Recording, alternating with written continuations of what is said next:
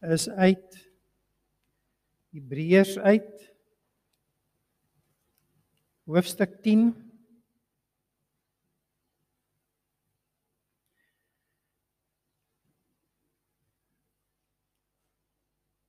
die offers van die ou verbond. Daar is nogal iets daarin as 'n mens saam die Bybel lees. So as jy 'n Bybel het, lees saam met my. Ek gaan uh, ek het aanvanklik gedink om nie die hele gedeelte te lees nie, maar uh, ek besef ook dat dit vir ons belangrik is om maar net ook stil te sit en te luister na die voorlesing van die Bybel. Hebreërs 10 vanaf vers 1 Die wet van Moses is slegs 'n skadubeeld van die weldade wat sou kom nie 'n werklike beeld daarvan nie. Voortdurend jaar na jaar word dieselfde offers gebring en tog kan die wet die wat die offers bring nooit volkome van sonde vrymaak. As die wat offers bring eens en vir altyd gereinig en die en nie meer van die sonde bewus was nie, sou hulle immers opgehou het om offers te bring.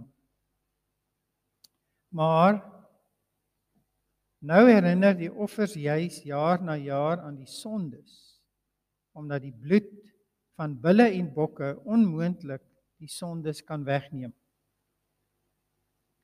Daarom sê Christus met sy koms in die wêreld Dis nie diere offer en graanoffer wat u wil hê nie maar die liggaam wat U my gegee het. Brandoffers en sondeoffers het U nie behaag nie. Toe het ek gesê: "Kyk, ek het gekom, o God, om U wil te doen." In die boekrol is dit vir my geskrywe. Eers sê hy: "Diereoffers en graanoffers, brandoffers en sondeoffers wou U nie hê nie en het U nie behaag nie." Hoewel hierdie offers deur die wet voorgeskryf word. Daarna sê hy: "Kyk, ek het gekom om u wil te doen." Hy skaf dus die eerste offer af om 'n ander offer in die plek daarvan te stel. Omdat God dit sou sou wou, is ons vir hom afgesonder deurdat Jesus Christus sy liggaam as 'n offer gebring het eens en vir altyd. Verder, elke priester staan dag vir dag in sy diens en verrig en bring elke keer weer dieselfde offers wat tog nooit die sondes kan wegneem nie. Maar Jesus Christus het een offer vir die sondes gebring en vir altyd aan die regterhand van God gaan sit. Nou wag hy daar totdat sy vyande aan hom onderwerp is. Deur die een offer het hy die wat vir God afgesonder word vir altyd volkome van sonde vrygemaak. Ook die Heilige Gees betuig dit aan ons. Eers sê hy: Dit is die verbond wat ek met hulle na hierdie dae sal sluit, sê die Here. Ek sal hulle my wette in hulle hart gee en in hulle verstand sal ek dit skrywe. Dan sê hy verder: aan hulle sondes en hulle oortredings sal ek nooit weer dink nie. Waar die sondes vergewe is, is geen offer daarvoor meer nodig nie. Broers, ons het dus nou deur die bloed van Jesus vrye toegang tot die heiligdom en dit op 'n weg wat nuut is en na die lewe lei. Hierdie weg het hy vir ons gebaan deur die voorhangsel heen. Dit is deur sy liggaam. En terwyl ons hom ook as 'n groot priester oor die huis van God het, laat ons tot God nader met 'n opregte hart en met volle geloofsekerheid. Ons harte is immers gereinig van 'n skuldige gewete en ons liggame is gewas met skoon water. Laat ons styf vashou aan die hoop wat ons bely want God is getrou. Hy doen wat hy beloof het.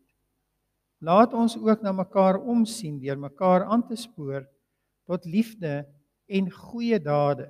Ons moenie van die samekomste van die gemeente af wegbly soos party se gewoonte is nie, maar mekaar eerder aanmoedig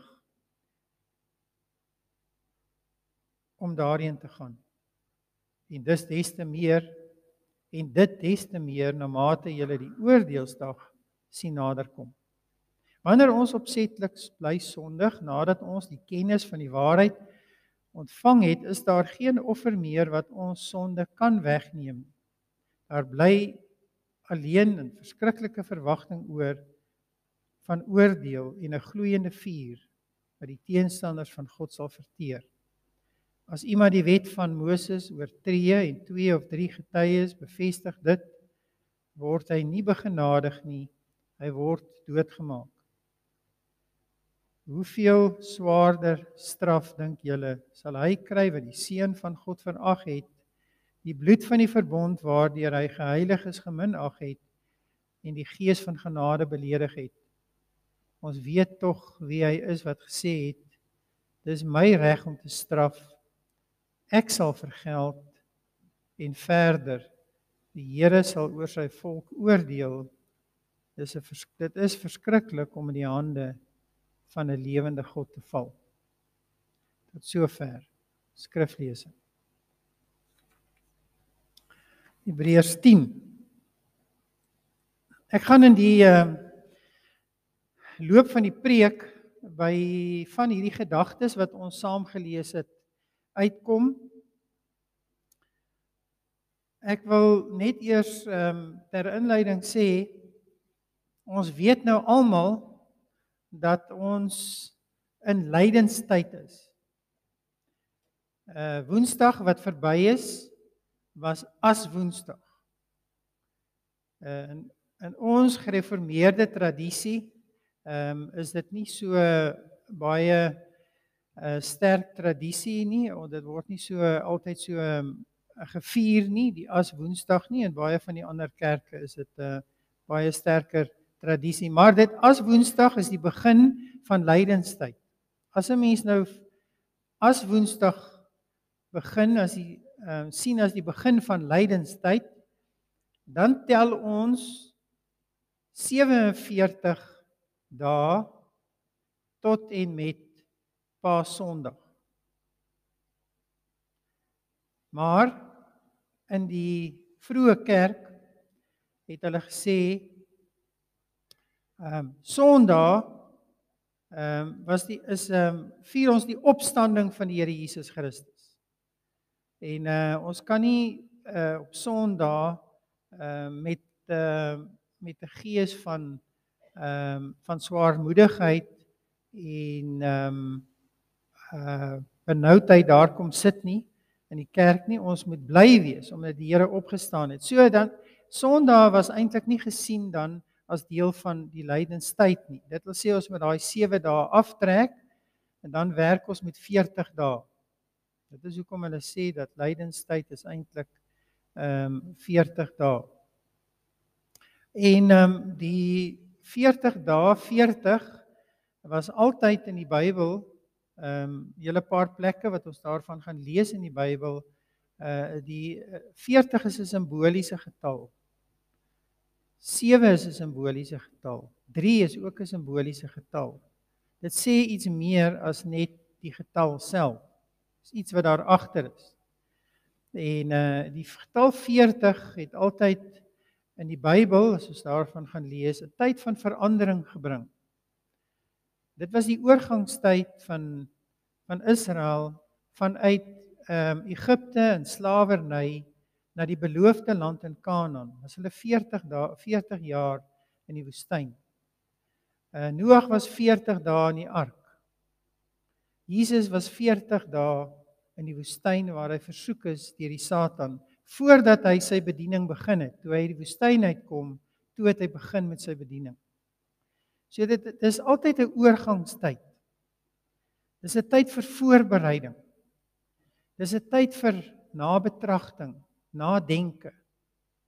Dis 'n tyd wat ek my regmaak vir 'n nuwe seisoen in my lewe. Die natuur kom wys dit ook vir ons. Dis vir my opmerklik dat juis in hierdie tyd wanneer ons begin met lydenstyd, dan raak ons ook bewus van die oorgang van somer na herfs toe. En herfs is vir my vir my persoonlik seker die lekkerste tyd van die jaar. Hulle sê ook as jy in Suid-Afrika gaan vakansie hou, dan moet jy in Maart en April gaan vakansie hou. Dis hierdie tyd van die jaar. Dis 'n wonderlike tyd. En is 'n tyd waarin ons as kerk van die Here Jesus Christus die die geleentheid en die tyd wat ons het gebruik om na te dink oor dit wat God gedoen het deur Jesus Christus en wat dit vir ons beteken. Uh nie net eendag nie, maar ook hier terwyl ons nog hier op die aarde is. So en dit is soos wat Paulus geskryf het aan een van die gemeentes daar ook in Korintiërs en in Korintiërs 2 vers 2 sê hy vir die Korintiërs hy sê as ek met na julle toe kom dan wil ek met julle niks anders praat as oor Jesus Christus en hom as die gekruisigde. Dit is die ehm um, dis die kern van ons van ons hele teologie. Jesus Christus, die gekruisigde en opgestane Here. En ons moet mekaar ook ehm um, aanmoedig in hierdie tyd om daaroor na te dink ten minste. En daarom is in ons kerk ook die prediking is ook maar rondom dit gerig. Wat ons baie keer gedoen het in hierdie ehm um, sewe Sondae nou kom is die brand die kersse nie. Vergeet daarvan.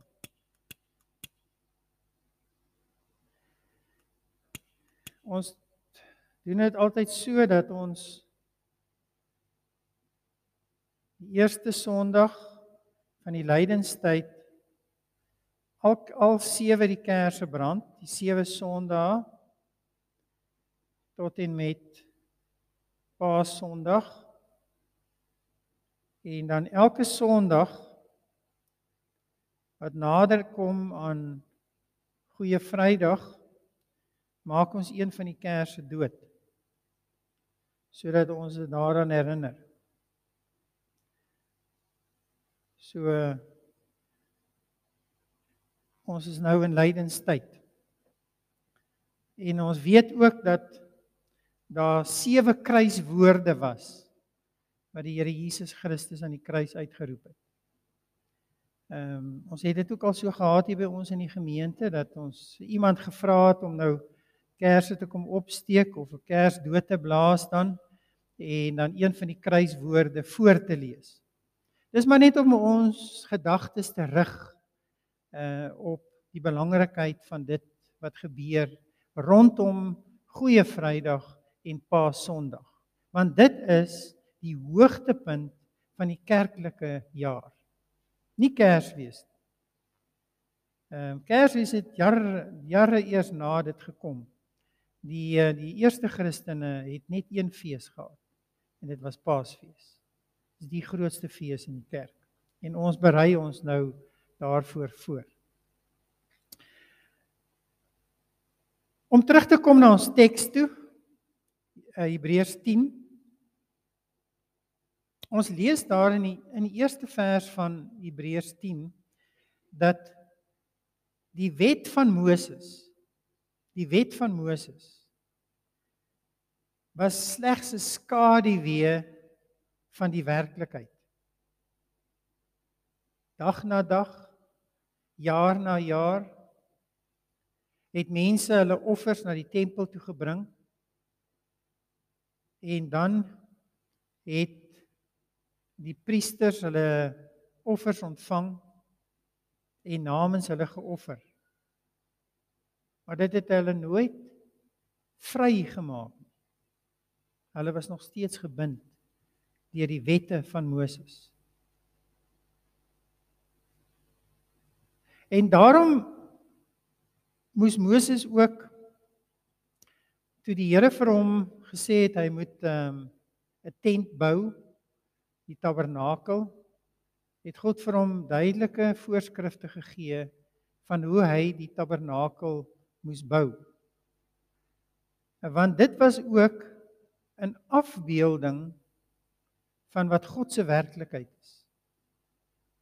Ons is altyd besig hier om te werk met die skaduwee van dit wat die eintlike werklikheid is. Hier waar ons nou sit vanmôre is dit ons werklikheid. Jy kan jouself knyp en jy kan sê maar ek lewe en ek is hier. Maar ons weet dat daar is 'n groter werklikheid waarna toe ons almal op pad is. En dit is eintlik God se werklikheid. God se wêreld. Ons praat nou maar in baie terme daarvan as die hemel of die heerlikheid van God of die hiernamaals. Maar maar dit is die eintlike werklikheid. Die werklikheid wat ek en jy nou hier beleef is 'n verganklikheid. Dis nie die eintlike werklikheid nie. Dis 'n tydelike verganklike werklikheid. En so reg deur die Bybel, uh werk ons in die Ou Testament met hierdie beeld of afbeelding dan of skaduwee van wat God eintlik in gedagte gehad het. Reg in die begin, selfs in Genesis alreeds, het God 'n plan gehad. En die geskiedenis van hierdie wêreld is maar altyd 'n ontplooiing van dit wat God alreeds beplan het dit wat in die toekoms op ons wag en wat God alleen weet en wat nie een van ons weet nie. Ek wil dit nou vanoggend so illustreer vir julle.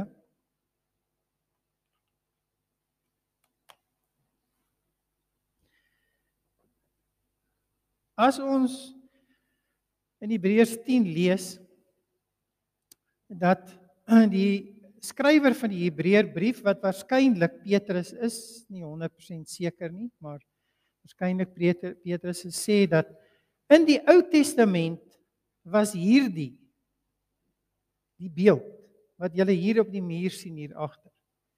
Die mense se enigste werklikheid.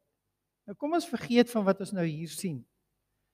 Kom ons sê hierdie beeld sou nou so gewees het dat julle glad nie hierdie werklikheid gesien het nie. Al wat ons gehad het vanmôre op hierdie muur was net hierdie prentjie.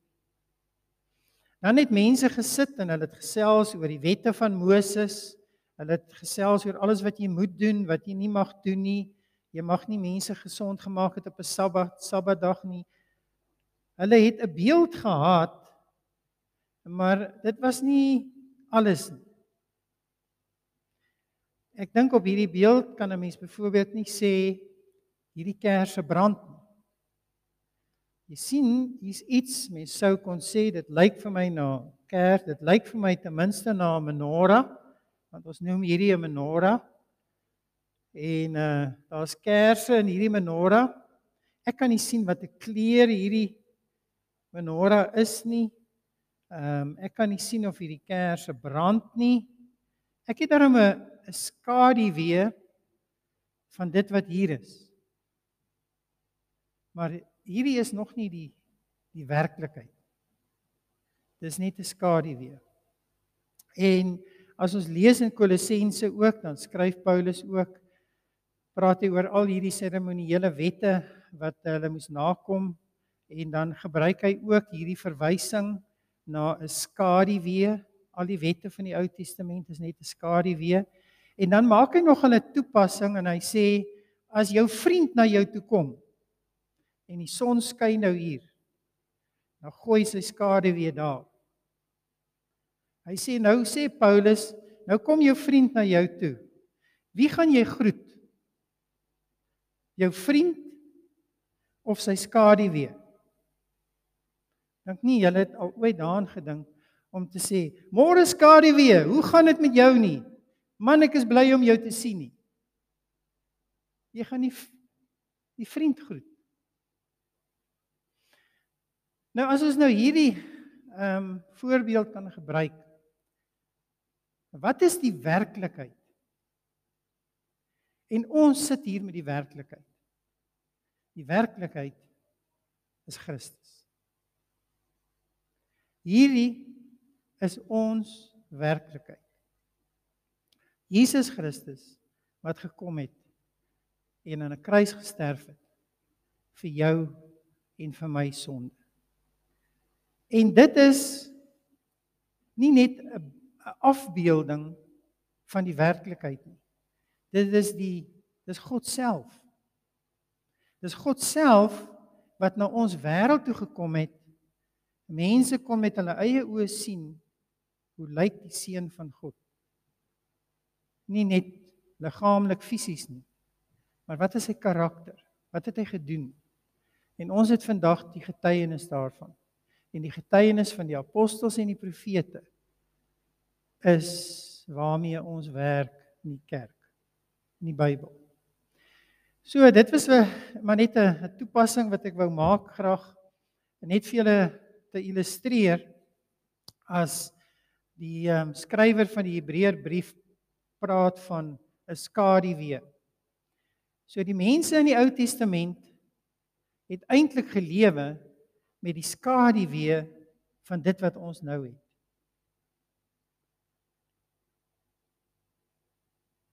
Jesus Christus het 'n werklikheid geword. En dan staan daar met sy eie bloed en nie met die van skape en bokke en kalvers nie, het hy eenmaal die heiligdom ingegaan om 'n ewige verlossing tot stand te bring. Die diere wat die mense in die Ou Testament gebring het om te offer kon nie hulle sondes wegneem nie selfs nie eers 'n lam sonder liggaamsgebrek was goed genoeg om hulle sondes weg te neem.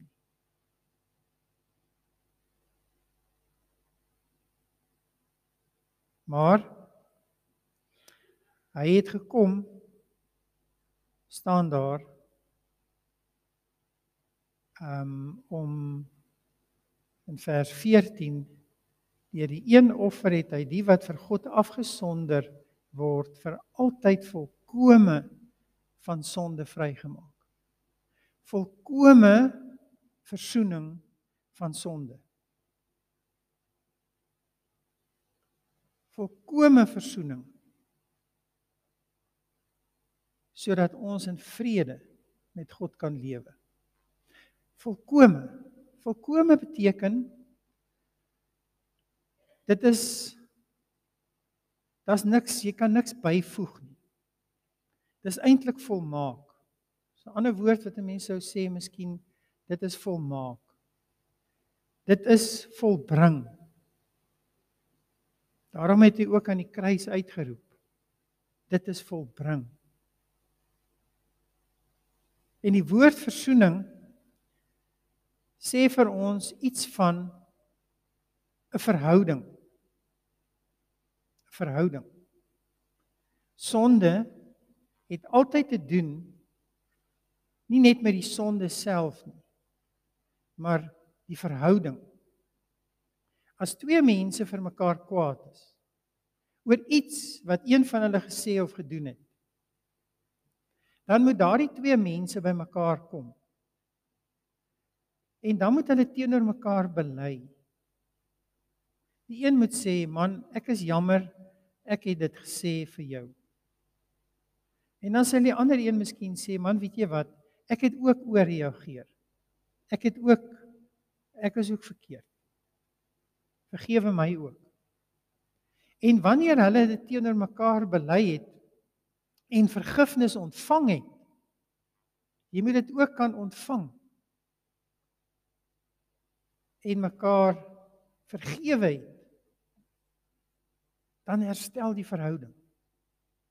En dan sê ons is daar versoening. So die woordjie versoening agter dit sit eintlik die woord vyandskap.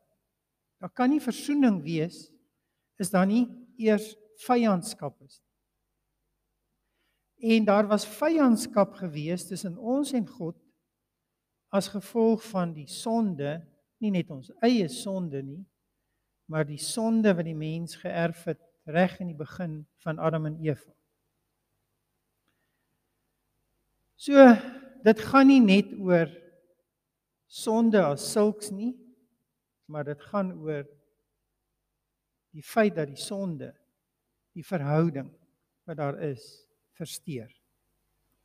En volkomme verzoening beteken nou dat Jesus Christus het die vyandskap wat daar tussen ons en God was kom herstel deur in ons plek voor God te gaan staan en te sê ek is jammer. Ek gee myself ter wille van so en so en so. Hy het in ons plek gaan staan om vrede te bewerkstellig. En daarom sê Hebreërs 10 en dis die wonderlike, dit is die bevryding.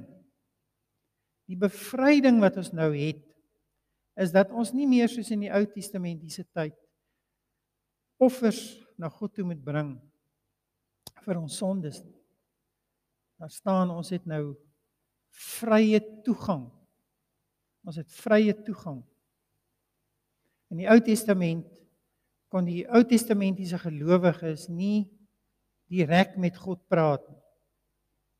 Hulle moes hulle offer na die priester toe vat. Die priester het uh die dier geoffer en namens hulle met God gepraat. Een keer in 'n jaar het die hoofpriester van Israel vir homself en vir die hele volk 'n offer gebring en dan het hy net een keer 'n jaar in die allerheiligste van die tempel ingegaan. Daar was 'n gordyn wat daar gehang het en net een keer 'n jaar het een persoon daar agter ingegaan. En dit ehm um, is vandag nog so in die Joodse kultuur en godsdiens ehm um, die groot versoendag of die Yom Kippur wat ehm um, wat dit gaan wat dit gebeur. Maar ek en jy het elke dag, elke oomblik die geleentheid om direk met God te praat.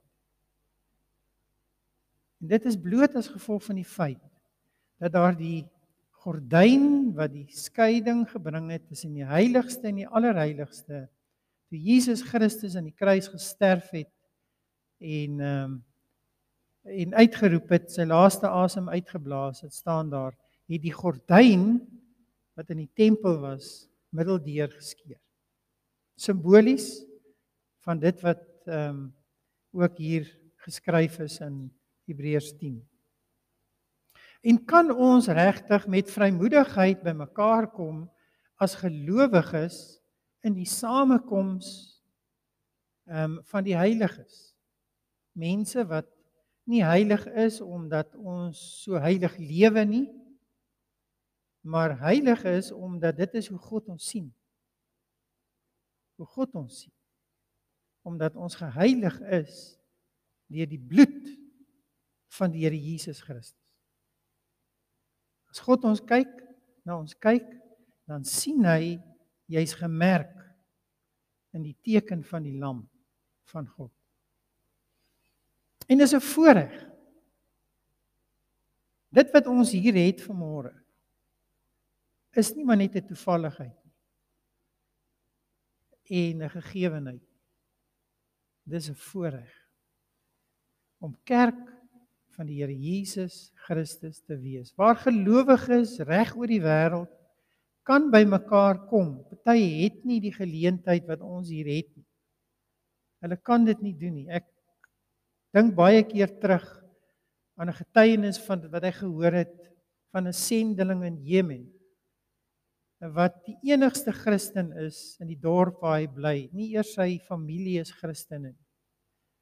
As hy samekoms van gelowiges wil beoefen, dan moet hy op 'n bus klim 50 km ry na 'n naburige dorp toe en saam met 'n ander gelowige wat hy ken in die veld gaan loop en dan praat hulle twee oor die Here. En so versterk dit hom en dan gaan hy klim hy weer in die bus en gaan huis toe. Vir hom is dit sy erediens. Kan jy dink? Ons wat so gemaklik en vryelik op 'n Sondagoggend hier kom sit. Dat daar